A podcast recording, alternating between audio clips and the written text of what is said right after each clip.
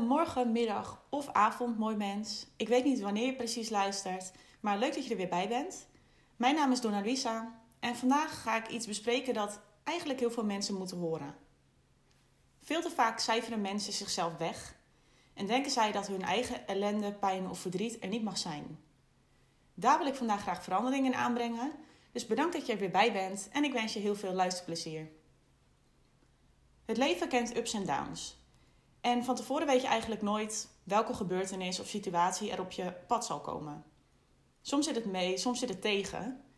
Maar op de momenten dat het mee zit, zijn we blij, positief en hebben we het idee dat we de hele wereld aan kunnen.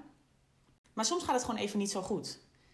En dat is niet erg, zolang je maar beseft dat je dat ook moet erkennen. Of je het nu leuk vindt of niet, shit happens. Sorry voor mijn taalgebruik. Maar vroeg of laat komt er weer een moment waarop het leven even niet zo rooskleurig is. Misschien maak je op dit moment wel zo'n situatie mee. En het is heel belangrijk dat je de gevoelens die daarbij optreden kunt erkennen. Dat betekent niet dat je jezelf zielig moet vinden of een slachtofferrol moet aannemen tegenover je omgeving. Maar het betekent dat je die negatieve gevoelens niet langer onderdrukt. Dat je deze er gewoon laat zijn, ook al voelen ze dan zo onprettig. Want die horen nu eenmaal ook bij het leven. Ze horen bij jou. En je kunt nu eenmaal niet altijd lachen en vrolijk zijn. Verdriet hoort er ook bij. Niemand van ons komt zonder narigheid door het leven. Iedereen heeft zijn eigen weg te gaan en iedereen ervaart dingen op zijn of haar eigen manier. Maar verdriet, dat moet wel verwerkt worden.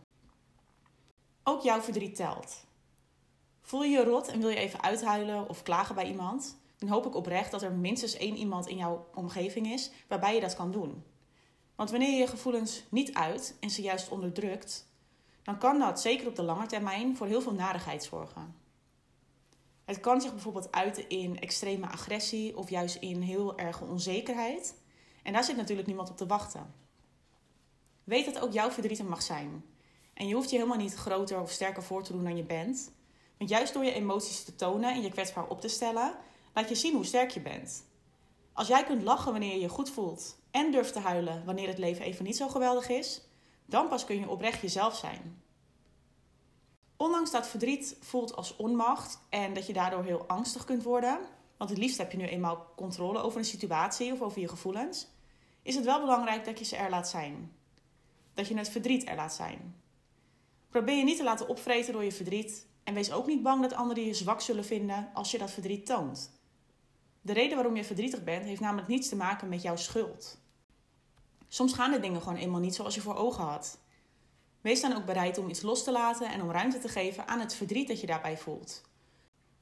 Verdriet moet verwerkt worden en dat kan je op verschillende manieren doen. Bijvoorbeeld door naar fijne muziek te luisteren die emoties bij je oproept. Want op die manier haal je het verdriet sneller naar boven, maar kan je het ook weer sneller loslaten. Dus zet die zielige muziek op, ga lekker een potje huilen om die emoties eruit te gooien, want dat lucht alleen maar op. En neem zo lang de tijd als je nodig hebt, want er is geen limiet. Jij bepaalt zelf wanneer je je beter voelt. En als dat wat langer duurt, dan is dat nu eenmaal zo. Zelfs als dat jaren in beslag neemt. Verwerk de dingen gewoon op je eigen tempo, want alleen op die manier kun je er helemaal van herstellen. Heb je geen zin om hier jaren mee bezig te zijn, wat best begrijpelijk is, dan is het nog belangrijker dat je je verdriet toelaat. Want hoe langer je het wegstopt, des te langer het kan duren voordat het verwerkt wordt. En je kan het wel altijd onderdrukken, maar ooit borrelt het weer naar de oppervlakte en moet het er alsnog uit. Dus dan kun je het net zo goed direct aanpakken, toch? Misschien wil je gewoon heel graag sterk zijn. Maar wist je dat sterke personen ook niet altijd sterk zijn?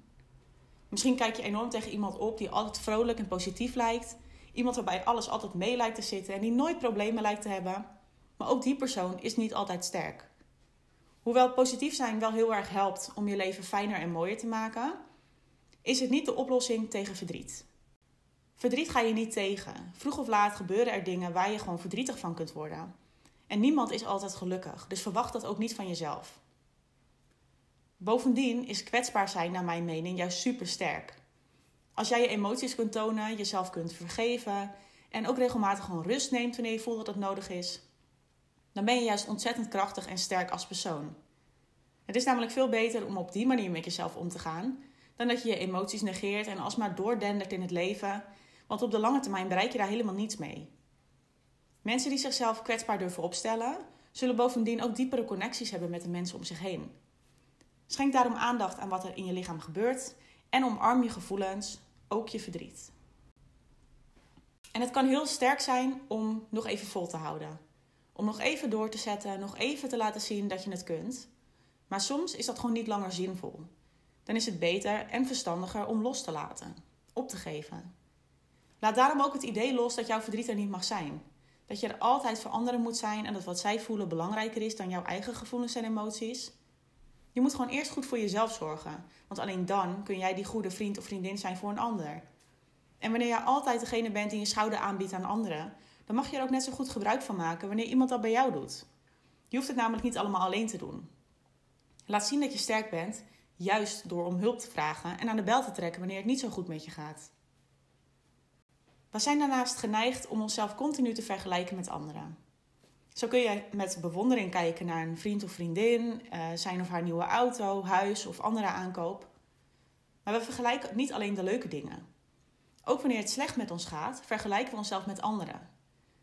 Wanneer bijvoorbeeld jouw relatie net over is en je ontzettend veel verdriet hebt, dan heb je net zoveel recht op een potje janken als de persoon die net te horen krijgt dat hij of zij ziek is, ernstig ziek.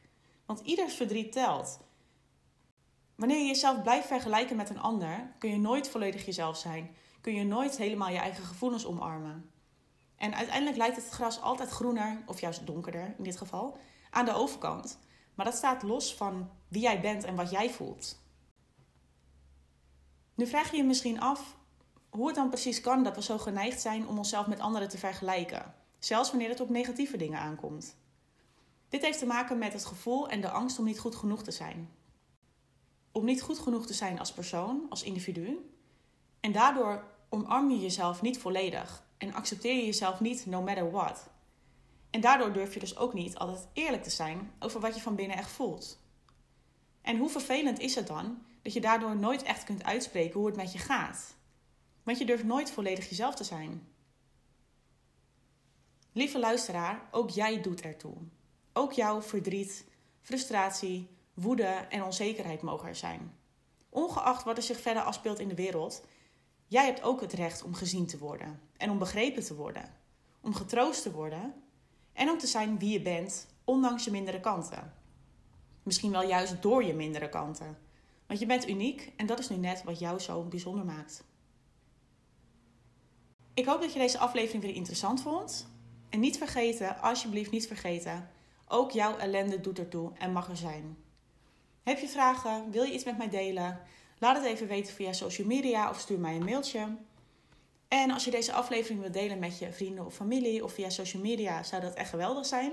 Alvast dank daarvoor, want zo kunnen nog meer mensen hier iets van leren. Volg mij op Spotify, laat een mooie review achter via de podcast-app.